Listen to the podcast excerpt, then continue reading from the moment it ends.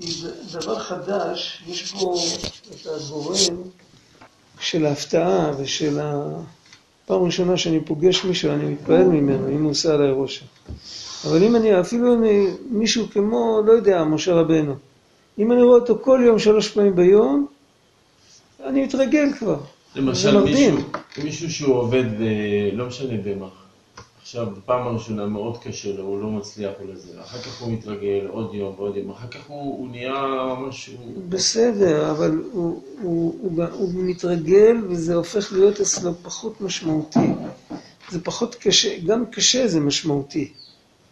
זה הופך להיות חלק מההרגל שלו, זה כמו שהוא מגרש זבוב בלי לשים לב, אז ככה הוא עושה את כל הפעולות הטכניות בלי לשים לב. אז זה פחות משמעותי. ובעבודת השם תמיד צריך להיות משמעותי. תראה, זה קשה, זה, זה לא פשוט, זה צריך המון ריכוז, זה בעבודה לצדיקים. אבל שם טוב כותב את זה לגיס שלו. היה לו גיס צדיק, כותב, בכל מילה שאתה אומר, אז צריך לחשוב שלוש אופנים.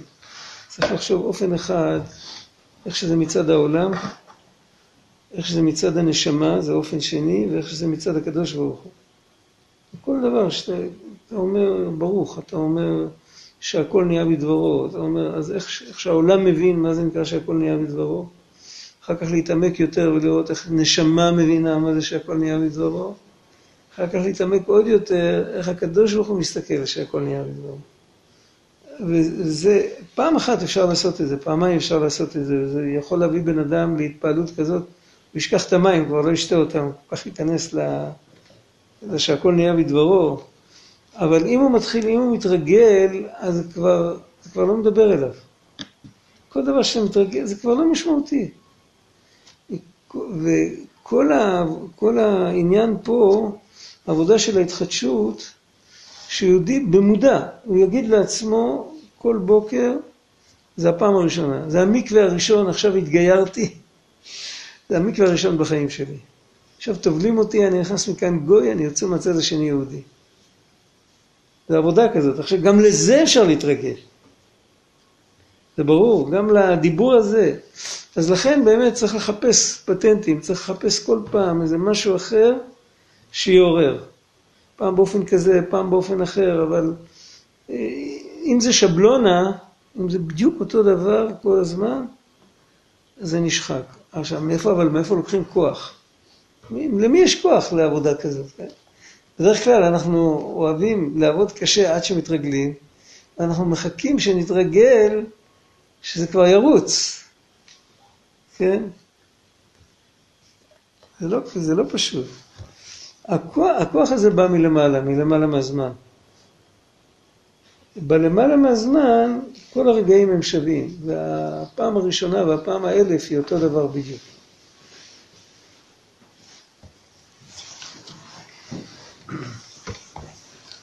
ו- ועל זה, כאילו, הסמל של החיבור של הלמעלה מהזמן עם הזמן, אז בסיפורי מעשיות כל עניין הופך להיות בן אדם. בסיפור עם הבעל תפילה יש עשר ספירות, ועשר ספירות האלה, אז אחד מהם קוראים לו מלך, אחד קוראים לו מלכה, ואחד קוראים לו מליץ, ואחד קוראים לו בעל תפילה, ואחד קוראים לו ממונה על האוצרות, וכל אחד קוראים בשם אחר. בעצם זה לא, זה לא בני אדם, זה עשר ספירות. רק איך זה יכול להיות בני אדם? זה יכול להיות כמו שאברהם אבינו זה חסד. מה פשוט שאברהם אבינו זה חסד? אברהם אבינו עשה כל כך הרבה חסד, עד שנהיה מרכבה למידת החסד. אז אותו דבר, הזקן הזה, העיוור, שאומר שהוא הכי יניק מכולם, יכול להיות שזה זקן שרבנו התכוון לאיזה, לאיזה צדיק מסוים שהיה בעולם, כן? שלמישהו. יכול להיות אפילו שסיפר את זה על עצמו. אנחנו לא יודעים בדיוק לסדר את זה. אמרו על אחד, יש שם שמונה זקנים. על אחד מהם אמרו שרבנו התכוון לרבי אלימלך מליז'נסק. ככה אמרו אנשי שלומנו הזקנים. אבל, אבל מה הנקודה? הנקודה שצדיק הזדכך כל כך, שהוא הפך להיות מרכבה לאיזה, לאיזה גילוי מלמעלה. והגילוי הזה מלמעלה זה, זה הגילוי שיש בכוחו לקשור את העולם שהוא תחת הזמן עם, עם האלוקות שלמעלה מהזמן. אז בדיוק איך לקרוא לזה על פי קבלה, איזה ספירה זאת, אז אה, אני לא יודע. אפשר לאלתר, אפשר למצוא לפי כל מיני דברים שכתובים בכל מיני מקומות, אבל זה לא כל כך נפקא מינה. זה לא משנה איך יקראו לזה. על כל פנים יש כוח כזה, שדרכו יהודי שהוא נמצא פה, הנשמה שלו פה, מתחת לזמן, היהודי יכול לקשור את עצמו באיזשהו אופן ללמעלה מהזמן. ועל ידי כך, כמובן, צריך בשביל זה תפילה, צריך, אה, בן אדם צריך להגיד את זה לעצמו, להגיד את זה לקדוש ברוך הוא. ועל ידי כך הוא יכול להתחדש, זה יכול לנטרל את התופעה הזאת שהשגרה שוחקת. זה, נשמע פנטסטי, זאת אומרת, לך תגיד לאחד מבני העולם שאפשר להיכנס לשגרה ושהיא לא תשחק. זה הפך כל מה שבני אדם יודעים אודות, אודות שגרה ואודות החיים בכלל. אבל כאן זה כתוב, כתוב במפורש, אני ראיתי זה כתוב בספרים, שגם בספרי מוסר, לא רק בספרי רבנו, שמצד אחד צריך לרכוש הרגלים טובים, זה עניין גדול, לא, לא, לא לפחד מלהתרגל לטוב. אה, זה, אבל יש קושייה גדולה, זה יהיה מצד אנשים מלומדה, אתה מתרגל לזה, אז צריך להתחדש. אז זהו, כאן רבי נתן מסביר את השורש. השורש, יש בחינה כזאת עליונה, שממנה נמשך הכוח להתחבר לה למעלה מהזמן. הצדיק יודע שהוא נהיה מרכבה של אה, מידה? לא יודע. שאלה מעניינת. ויכול להיות, זו שאלה מעניינת, אני לא יודע אם זו שאלה חשובה, כי, כי מה זה חשוב?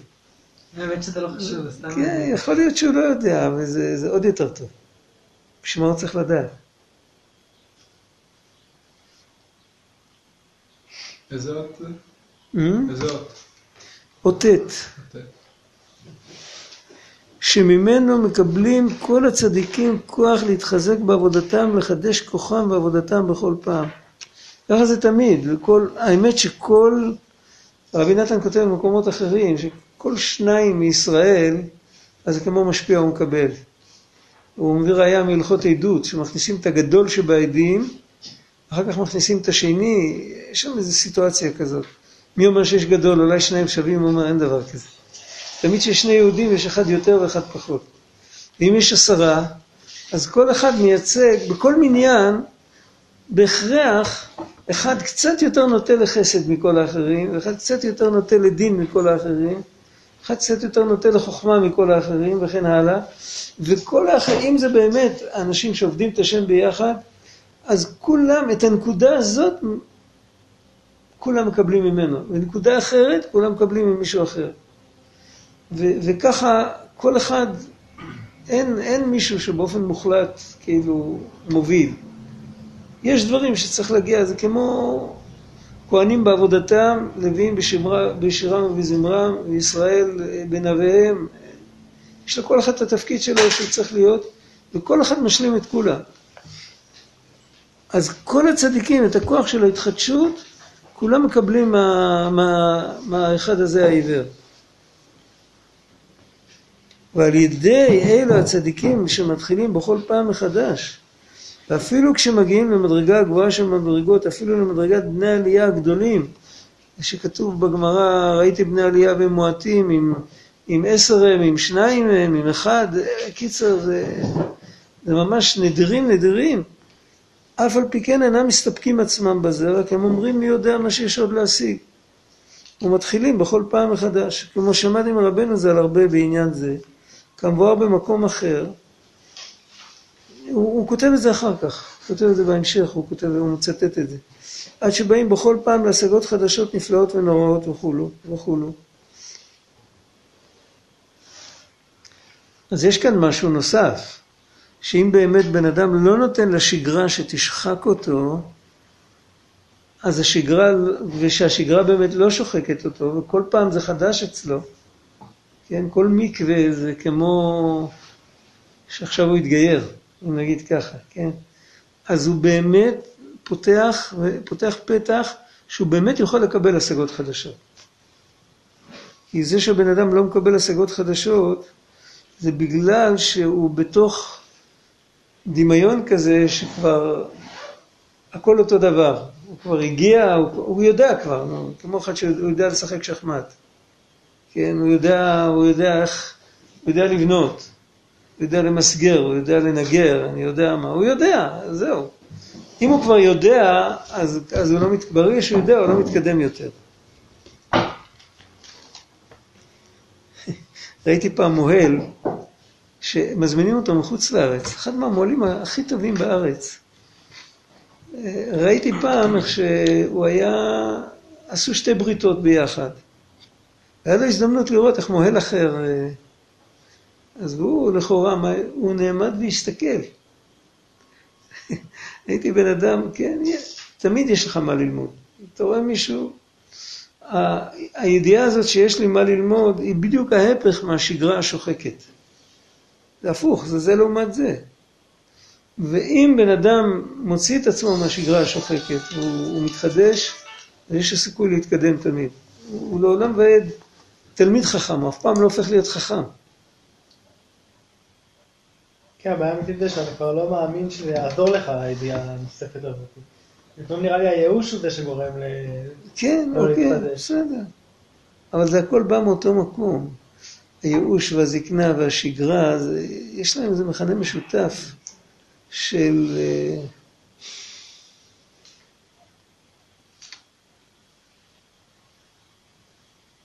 חוסר חיות. מוות כזה. אבל רק כשלומדים מתחדשים, כאילו אני יודע דבר יותר לא, חדש, אני לא, אם מתחדש. מתחדשים אז אפשר ללמוד. אם לא מתחדשים אז גם לא לומדים. אז כאילו, כמו למדן זקן שכבר יודע את כל הסברות ואת כל הפלפולים ואת הזה, וכבר... הוא כבר יודע שפה יש איזה רבי עקיבא איגר ופה יש איזה, איזה מרשה ופה יש זה, הוא פה יודע, הוא... מקסימום הוא לא זוכר בדיוק אז הוא מסתכל, אבל אין כבר, זה כבר לא פורה ורבה. אבל זה? אם הוא ניגש לזה כאילו שאף פעם עוד לא למד, הוא מפעיל את המוח שלו, אז הוא יכול למצוא חדשות שעוד בחיים אף אחד עוד לא דיבר על זה.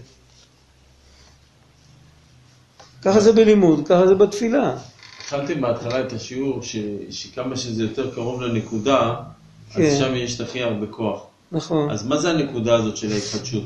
הנקודה, הנקודה הזאת זה, זה, זה נגיעה מלמעלה מהזמן. למעלה מהזמן זה אין סוף, שם יש את כל הכוח.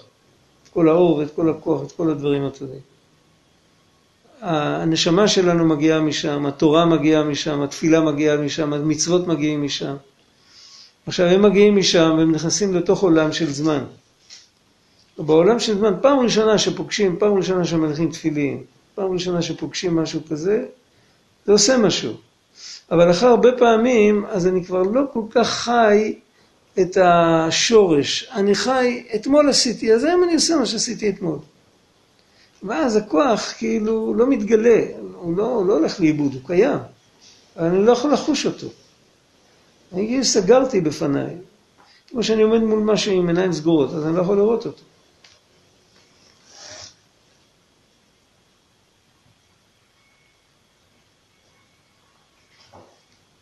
על כן, בכוח צדיקים כאלו, בכוח הזה יכולים להתחדש בכל פעם אלו הנופלים. פה הוא לוקח את זה למקום לגמרי, זאת אומרת, יש שני סוגי התחדשות. יש התחדשות אצל צדיקים ויש התחדשות אצל רשעים. התחדשות של הצדיק זה שלאן שלא הגעתי, אה, זה עדיין, אה, אני לא צריך להירדם שם. זה לא, זה לא חדר שינה, זה צריך ללכת הלאה, אנחנו באמצע. ההתחדשות של הרשע זה לשנות כיוון, לעשות פרסה. 180 מעלות, כאילו עד עכשיו אני לפה, לפה, לפה, אני אקח את עצמי עם כל הכוחות ואני אשנה את זה. אז רבי נתן אומר שההתחדשות של הרשע נמשכת מההתחדשות של הצדיק. בגלל שיש צדיקים שעושים את העבודה הזאת במדרגה שלהם, אז הרשעים יכולים לעשות את מה שהם צריכים לעשות במדרגה שלהם. אם הצדיק לא היה עושה את זה אצלו, אז להוא לא היה... יש הרבה דברים שפתח רבי שמעון, פתח, הוא פתח את הדרך. ש... שהצדיק מתאמץ על משהו, אז נפתח דרך רחבה לכולם. למרות שאצל ההוא זה נראה אחרת לגמרי, זאת אומרת, יכול להיות יהודי קם לחצות, וזה גורם ליהודי אחר שלא יאחר זמן קריאת שמע בבוקר. אז זה לא בדיוק אותו דבר, אבל זה מאותו סוג. בכוח הזה יכולים להתחדש בכל פעם אלו הנופלים, כמו ששכיח אתה הרבה בחושך הגלות הזה, שהתגברה הסטרא אחרא, והבעל דבר מאוד על כל הרוצה להתחיל לעסוק בעבודת השם. מפילים אותו בכל פעם, כל אחד ואחד, כפי מה שמפילים אותו, חס ושלום, רחמנא ליצלן. יכול להיות שבהמשך נדבר על זה יותר, מה, מה בדיוק ה... כתוב, אה, אתה, שכיח אתה הרבה, תמיד היה ככה. אולי יצא לנו להסביר יותר, אני לא יודע. הוא צריכים לחזק אותם ולחיותם בכל פעם בשבעה משיבי טעם, על פי משלי כ"ו ט"ז.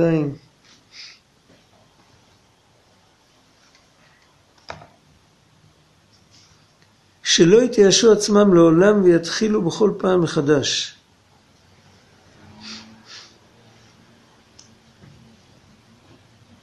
בכל זה הכוח מקבלים מהצדיקים הנ"ל. כי כל מה שהחולה גדול ביותר, צריך רופא גדול ביותר. המבואר במקום אחר, בכותב מהר"ן בטורה ל', כי מחמת עוצם כוחם והשגתם של אלו הצדיקים הנ"ל שהתחילו בכל פעם מחדש, השיגו בכל פעם יותר ויותר גדולת חסדי השם, איך הוא יתברך חושב מחשבות בכל עת. לבל יידח ממנו נידח, על ידי זה יש להם כוח להמשיך חיות והתחזקות חדש לכל הנופלים, לחזקם ולעוררם בכל פעם, שלא יפלו משום דבר שבעולם, רק יעריכו אפם ורוחם על הכל, ויאמינו בהשם ובכוח הצדיקים האמיתיים, כי לא אפסו חסדיו לעולם, ויתחזקו להתחיל להתקרב להשם יתברך מחדש בכל פעם, בכל מה שיכול וכולו, כנזכר לעיל. ובמקום אחר, בהלכות נדרים, הוא כותב שזה היה החטא של המרגלים. החטא של המרגלים שהם זלזלו בכמה דברים, הם זלזלו בארץ ישראל, הם זלזלו ב... בארץ, במדבר ישבו ולמדו, בארץ ישראל אה, צריך להתעסק עם דברים גשמיים. נסגר הכולל, כאילו, צריך לחוש ולזרוע, וצריך לקיים את המצוות התלויות בארץ.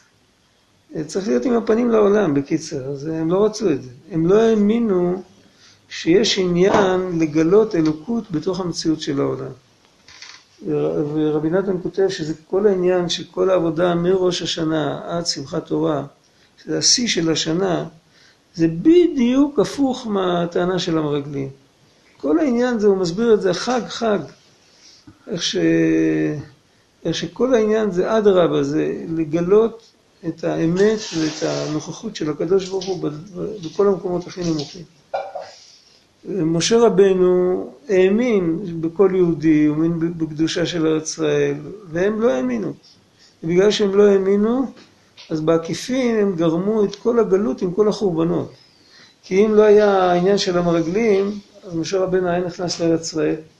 נגזרה עליו גזרה לא להיכנס לארץ, זה היה במשך 40 שנה.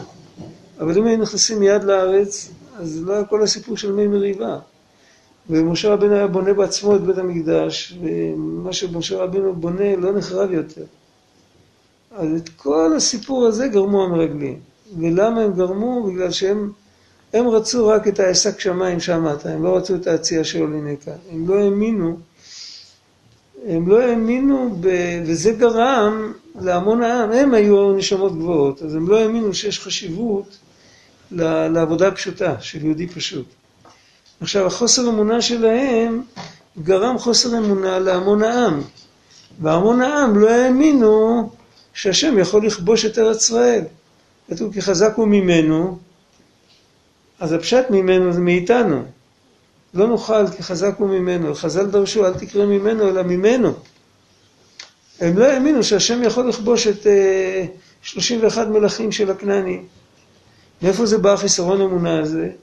זה בא מזה שעל המרגלים היה חיסרון אמונה בקדושה של ארץ ישראל, ובקדושה של נשמה של כל יהודי, בקדושה של נשמה נמוכה של יהודי, כמו שבט דן, כמו... אז ממילא זה פעל, זה פעל חלישות. ברגע שמתחזק, כל אחד בדרגה שלו, כשהוא מתח... מתחזק, אז הוא פועל במעגלים, כמו שזורקים אבן לבריכה. אז אה, יש גלים עד עד שפת הבריכה. גלים חדשים, אבל יש גלים. זה לא מפסיק באף מקום, כי כל המים זזים, אבן אחת. יהודי זז, אז כל העולמות זזים. אפילו שזה יהודי צדיק, אני אומר אפילו צדיק. כשהרשע זז, אז ודאי שיש רעש גדול בכל העולמות. אבל לכאורה כשהצדיק, לא הפוך, לכאורה כשהצדיק, צדיק, זה, זה לא הפתעה גדולה שהצדיק זז לאן שצריך.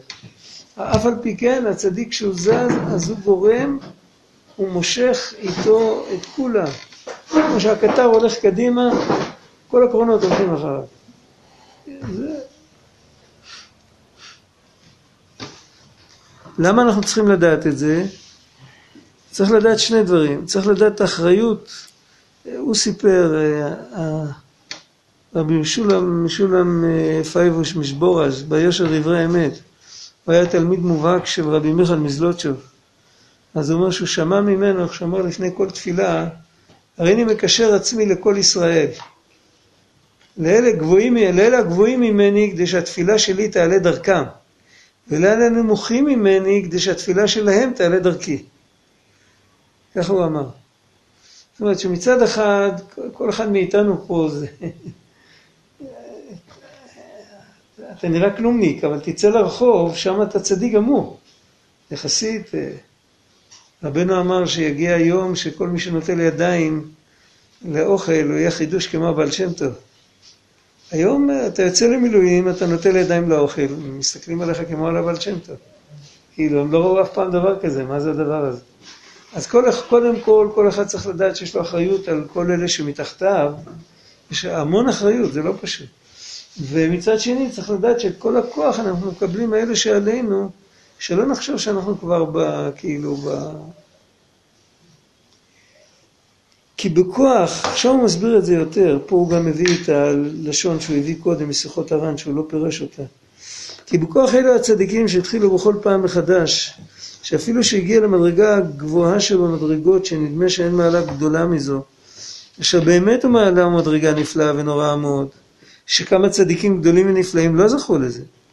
והם, אף על פי שהגיעו לזה, ויותר ויותר, אז לכאורה, אם אף אחד לא זכה, ואני כן זכיתי, בן אדם שבנוי על, על, אה, על שיקול דעת כזה, של להסתכל מה אחרים זכו, וכאילו, מה אתה בוכה, לאחרים יש פחות. כן? מישהו מסתכל ככה, אז הוא, אז הוא לא רוצה להתקדם יותר. הוא ילך לנוח בנקודה הזאת. אבל הם לא. אה, אף על פי כן לעולם לא היו מסתפקים בזה. הם הסתכלו הפוך, הם הסתכלו שצריך להתקרב להשם יתברך. השם יתברך הוא אינסוף. תמיד יש מקום להתקדם, לעבוד, להתבטל.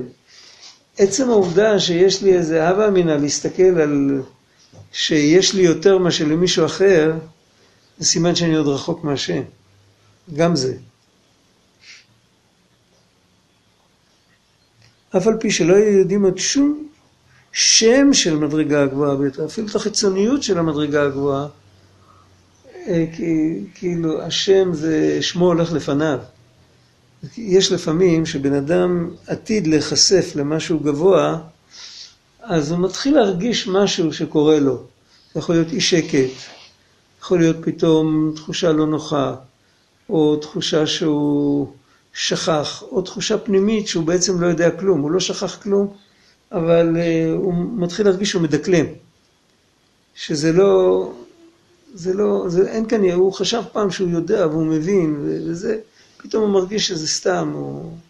בדרך כלל, אחרי זה, אם בן אדם לא בורח, אז אחרי זה בא איזה משהו שקודם לא היה לו. זה תמיד ככה. זה... כמו שכתוב שם שהוא שכח תלמוד, הוא ביקש לשכוח תלמוד בבלי בשביל לקבל תלמוד ירושלמי. יש לזה גם מדרגות נמוכות. זה נקרא שם של מדרגה יותר גבוהה. זה כאילו, כמו שרואים את האור לפני שהשמש מגיעה. ו...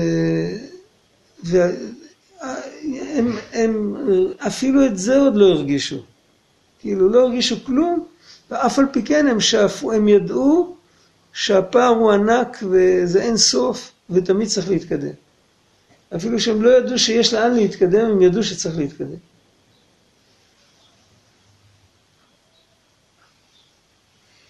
אף על פי כן היו אומרים מי יודע מה שיש עוד. כמו ששמעתי מרבנו ז"ל, זה מה שהוא הביא קודם. שפעם אחת היה מצטער מאוד לפניי ואמר, איך זוכים להיות יהודים? שמעתם שאלה, איך זוכים להיות יהודים? במילה הזאת, להיות יהודי, יש בטח אה, אין סוף פירושים, אין, זה לא פירושים, זה לא פירושים שעושים ככה עם האצבע, אין סוף משמעויות. ואיך זוכים להיות יהודי? והיה בעיניי לפלא גדול, מחמת שזה סמוך גילה נפלאות ונוראות, אז מה שייך? בטח שאתה יהודי, אם אתה יכול לגלות דברים כאלה. ענה ואמר, מי יודע מה שיש עוד להשיג. וכשאני אשיג יותר, אז גם את המילה יהודי אני אשיג אחרת. אז את היהודי הזה, איך זוכים להיות?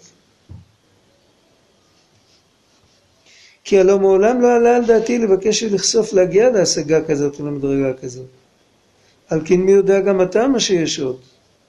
וכן היה דרכו לעולם כל ימי חייו. אי אפשר להעריך ולספר מזה כאן. יהודי יכול לעשות ניסיון מאוד פשוט. אני עשיתי פעם ניסיון עם סימן בטור.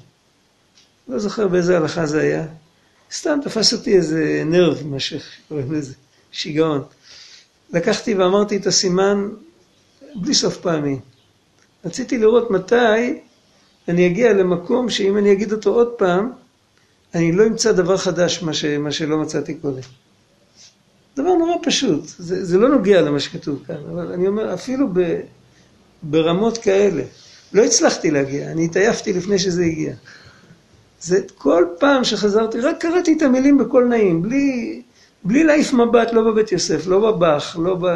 קראתי פעם, קראתי עוד פעם, כל פעם קלטתי עוד משהו, עוד משהו, עוד משהו, 15, 16, 20, אני לא יודע כמה, כל פעם ראיתי שיש עוד משהו שלא שמתי לב קודם. וככה, למה? בטריגונומטריה זה לא קורה, ולא ב, לא בפיזיקה ולא בשום דבר. קלטת את החומר, קלטת. התורה בנויה אחרת. אפילו הפשט של התורה, לא, לא מדבר על רק, רק פשט, רק פשט לגמרי, תורת הנגלה, לגמרי לגמרי. בלי שום רמזים, בלי שום עניינים. רק זה, יש בזה כבר איזה כוח שאתה יכול להיכנס ולהיות שם ולהיות שם בלי סוף.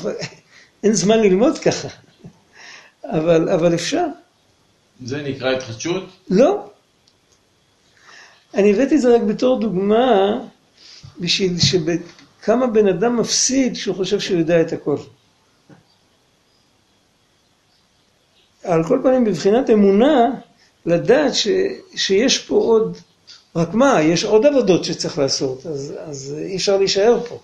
אבל אם לא היה עוד דברים, היה אפשר עם, עם, עם זה להיות כל החיים, ו, ו, ולא צריך יותר. מספרים על רבי שמחה בוני מפשיסחה, שישב פעם אחרי צהריים של יום קיץ, שם הימים בקיץ הרבה יותר ארוכים מאשר פה.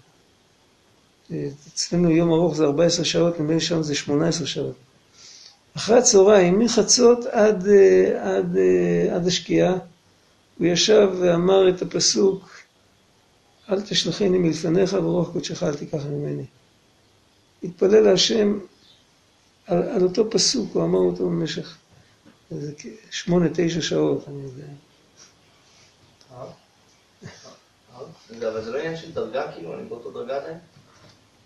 אני אומר את זה כל פעם אותו דבר, אבל לא עליתי בעצם, כי רק הכרתי עוד אושר, אבל... אני לא יודע, אתה שואל אותי, מי יודע? אמרתי מה שמספרים, פירושים שכל אחד יגיד מה שהוא רוצה. סיפרתי, סיפור, אני לא יודע. אבל לדעת לאן להתקדם, זה כן אפשר, לא? אני לא יודע, באמת אני לא יודע. לא יודע. לא יודע. לא, זה מגיע אני מצד יודע- גאווה שבן אדם... אה,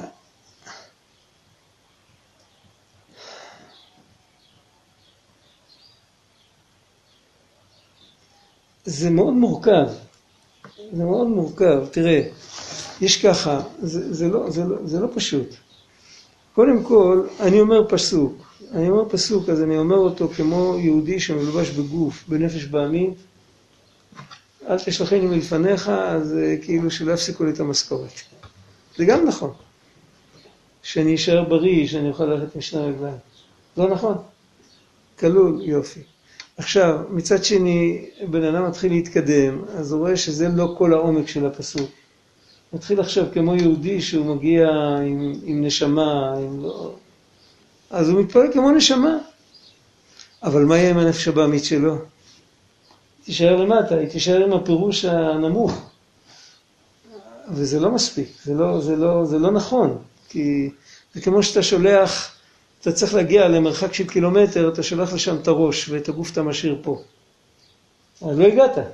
אתה צריך, אז אתה צריך לרדת חזרה ולראות בפסוק שגם הפרנסה, כפשוטו, מה שהגוף מבין, הנפש הבעמית וכל זה, זה לגמרי לגמרי מאת השם, ומה שאתה מבקש שם זה שני דברים. קודם כל, כשאני אקבל פרנסה, שאני אדע שאני מקבל מאת השם, שלא עכשיו, לא עכשיו כוחי ועוצם ידי, ועוד יותר, שאני אדע לייקר את העובדה שזה בא מאת השם, יותר מאשר את הסכום שאני אקבל. שעצם המחווה של המתנה הוא יותר חשוב מהחפץ שקיבלתי.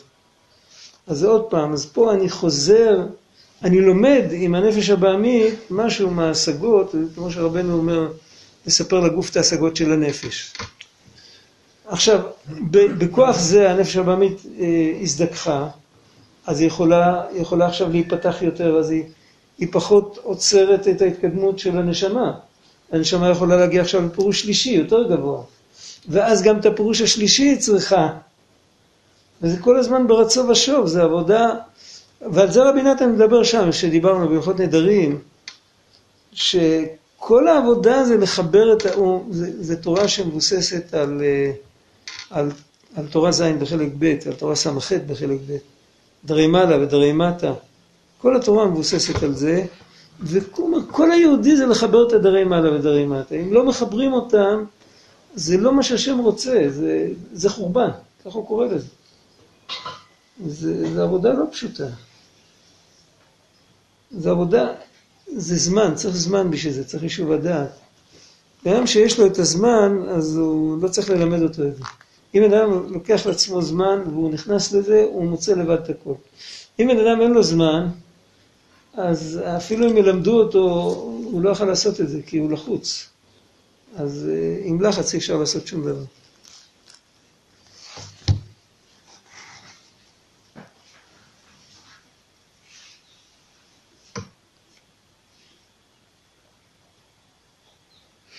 וכן היה דרכו לעולם כל ימי חייו וכולו, ואי אפשר להעריך ולספר מזה כאן.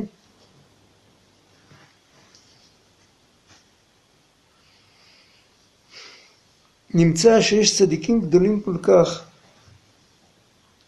שאפילו כשמגיעים למדרגה הגבוהה שבמדרגות, שנדמה שאין מדרגה גבוה ממנה, מזו, אף על פי כן הם מתגעגעים ומבקשים ומחפשים ומתחילים מחדש לגמרי. כי מי יודע מה, מה שיש עוד. ואף על פי שהשגתם מדרגתם של התא באמת גבוה מאוד, אף על פי כן הם אומרים עליו השם יתברך אין סוף. ומי יודע מה שיכולים בזה העולם להשיג עוד, זה, זה העיקר ההדגשה. ודאי שיש תמיד עוד, אבל אולי בגוף אי אפשר להשיג יותר. אז גם בזה הם מאמינים שגם בגוף אפשר עוד להשיג יותר. זה כבר חידוש. על כן הם מתחילים בכל פעם מחדש. מה, מה פירוש כאן להתחיל בכל פעם מחדש? זה, זה כאילו לא לדעת, אני לא יודע כלום. אני לא יודע, בוא, כאילו, אדם פותח ספר. אפילו מדרגות שלנו, מדרגות מאוד פשוטות. אדם פותח ספר, הוא לומד משהו שכבר למד פעם. אז הוא חוזר על הלימוד, אבל הוא יודע מה שכתוב. בדרך כלל לא מתחדש לו הרבה. הוא זוכר יותר טוב. האם בן אדם, אה, במקום לחזור על זה, הוא לומד את זה עוד פעם, אז יכול להתחדש לו דברים נפלאים. כי ללמוד את זה עוד פעם, זה לגשת לזה כאילו, כאילו שאני, כאילו שכחתי את הכל, אני לא מכיר, אני לא יודע, בוא נלמד מחדש. זה עבודה אחרת לגמרי. אותו דבר בעניינים פנימיים, זה גם אותו דבר.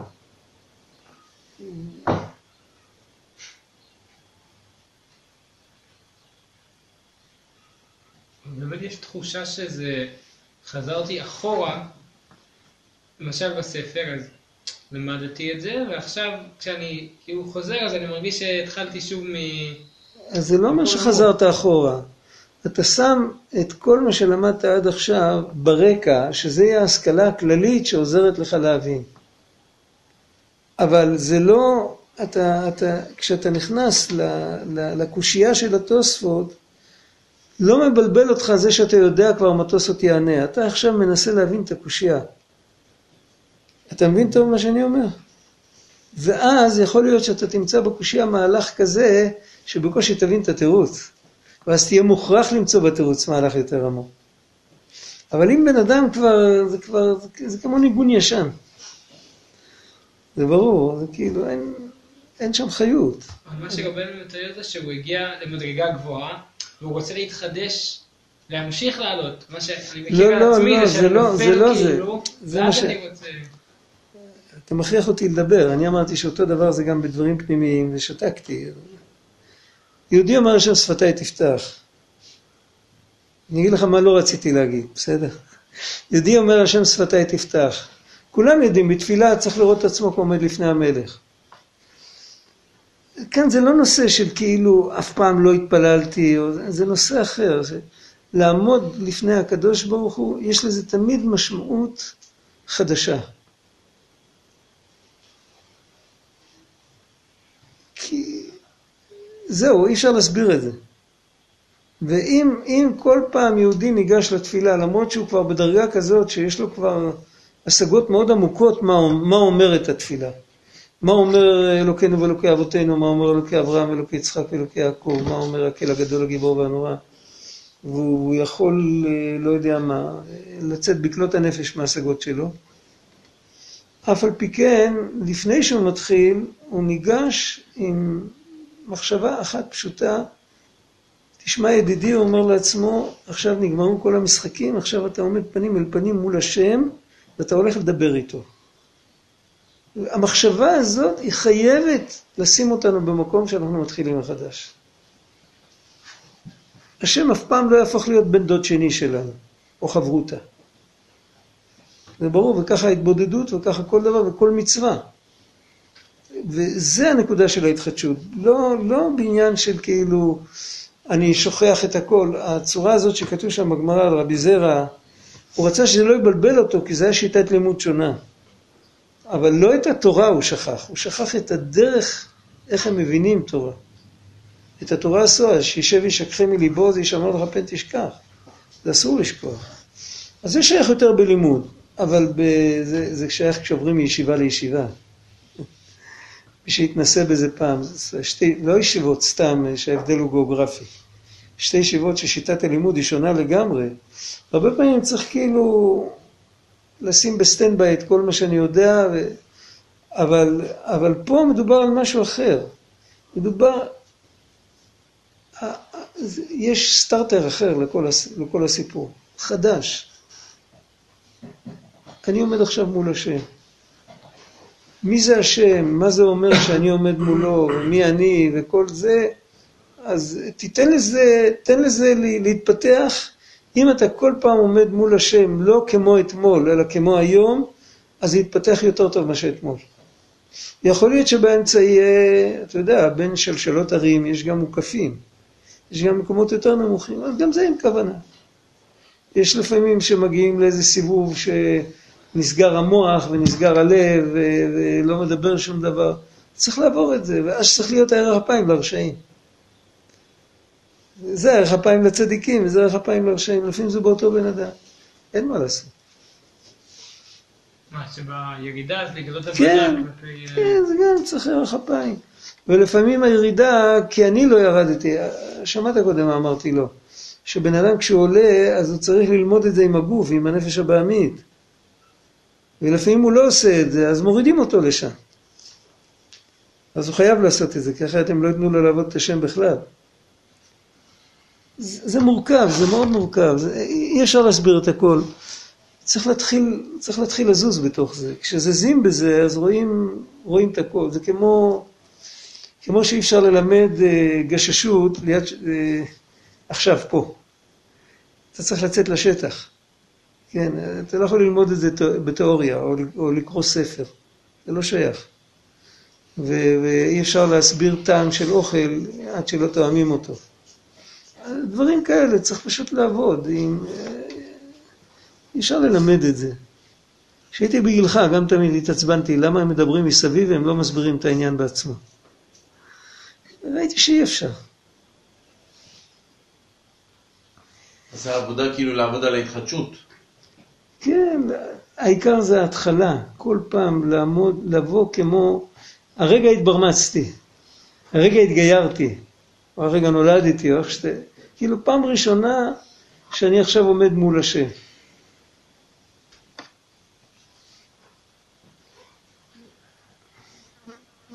כי השם יתברך, אה, לא, אני דילגתי. על כן, בכוח הצדיקים האלו יש תקווה לכל הנופלים, ואין שום ייאוש בעולם כלל. ואף על פי שנדמה לו שמירידה כזאת אי אפשר לו לעלות חס ושלום, אף על פי כן מי יודע גדולת חסדי השם. יש חסד כזה אצלו יתברך שגם משם יכולים לעלות.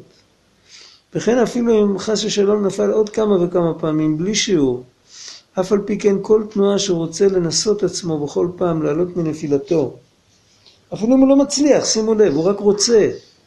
העיקר זה לא לאבד את הרצון. וכל צעקה הוא צעקה שצועק אפילו בשאול תחתיות, גם כן אינו נאבד לעולם. כמו שאמר רבנו ז"ל, שאפילו כל צעקה משאול תחתיות אינו נאבד, יהיה איך שיהיה אחר כך, ו, ובסוף הכל מצטרף ביחד, וכשהכל מצטרף ביחד זה מקבל כוח גדול והבן אדם כן יוצא בסוף. מה שאין כן, אם היה מתייאש והיה מפסיק לצעוק, אז הוא, זה כבר היה נשכב שם והיה, זה כמו סיפור בארצות שיורד הרבה שלג, שלפעמים בן אדם הולך עייף בשלג, מה הוא צריך להיזהר הכי הרבה? שמעתם פעם? לא להירדם בשלג. יש מציאות כזאת, בן אדם נופל בשלג והוא נרדם, הוא כופה למוות. כשהוא נרדם הוא חולם שהוא בבית וחם לו, זה מה שחסר לו באותו רגע. ואז אם מישהו מוצא אותו כל עוד נשמתו בו ולוקח אותו ומוציא אותו משם, או מישהו שם אותו על עגלה ומביא אותו הביתה, אז הוא נשאר בחיים, אם לא, אז... העיקר, העיקר צריך לראות שיש נפילות ויש בלבולים ויש כל זה, לא להירדם שם. נרדמים, אז מתחילים לחלום שהכל בסדר, אז אפשר שם לקפוא למוות. על כל פנים הוא מדגיש עוד פעם את אותה נקודה, שיש את ההתחדשות של הצדיקים, יש את ההתחדשות של הרשעים, ובזכות שהצדיקים עושים את ההתחדשות שלהם, נפתח פתח לרשעים שהם יעשו את ההתחדשות שלהם. ואיפה אנחנו? אנחנו באמצע. אנחנו מתחדשים מאלה שצדיקים מאיתנו, ואנחנו גורמים התחדשות לאלה שרשעים גדולים מאיתנו. זהו, זה העניין. כי השם יתברך ותורתו אין סוף ואין תכלית. וכמו שאין עלייה בעולם לפי גדולתו, אי אפשר להגיד על שום עלייה שכבר מגיעים אליו. כי גבוה מעל גבוה וגבוהים מעליהם. כמו כן אין ירידה בעולם, כי בכל הירידות חס ושלום יש ירידה גרוע יותר. מאחר שיש ירידה גרועה מזו חס ושלום, צריך להתחזק לבלי ליפול יותר חס ושלום. בעיקר ההתחז... ההתחזקות הוא בכוח הצדיקים הנ"ל שלא עמדו לעולם ועד ועלו בכל פעם יותר וכולו כנזכר לעיל. אז או שצדיק פותח פתח או בגלל שהצדיק הוא השורש כי הצדיק הוא הנשמה ראש בני ישראל, הכל יש בראש, המרכז העצבים, המרכז של כל הגוף בראש, אותו דבר אצל הצדיק, יש את השורש של כל הנשמות של כולם. אם הצדיק עושה את העבודה, אז יותר קל לכל אחד במקום שלו גם לעשות את אותה עבודה, באופן שהוא צריך אותה.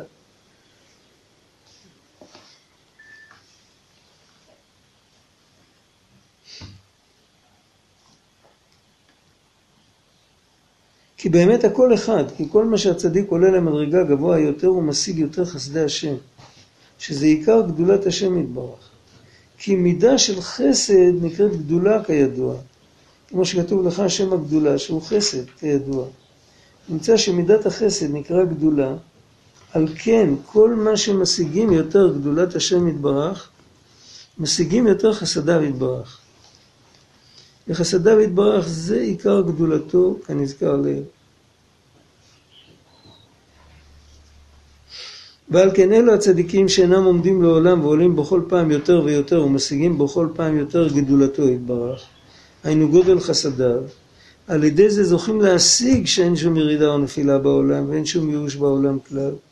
כי משיגים בכל פעם חסדים כאלה שהם עיקר גדולת הבורא, שעל ידי זה הכל יכולים לעלות. זה שכתב רבנו ז"ל בתורה משרא דסכינא שצריכים די כצדיק הגדול במעלה מאוד מאוד ככל מה שהחולה גדול ביותר הוא צריך רופא גדול ודוקטור גדול ביותר, היינו כנ"ל.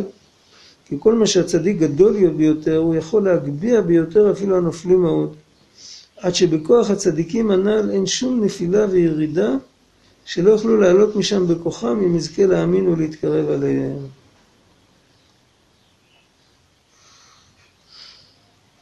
וכל זה הוא מבחינת עריכת אפיים הנ"ל, מבחינת ערך אפיים לצדיקים וערך אפיים לרשעים.